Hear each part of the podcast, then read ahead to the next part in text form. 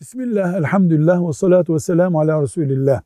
Resulullah sallallahu aleyhi ve sellem şiir asla söylemedi. Yani şiir yazmadı. Şair kimliği yoktur.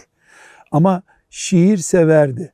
Eski şairlerden şiir nakli yapardı. Filan şair şöyle derdi diye. Şairlerden Müslüman olanlara özellikle yani sahabi olan şairlere özel bir alakası var. Adeta onu sağ tarafına oturturdu. Hassan bin Sabit radıyallahu anh şair bir sahabiydi.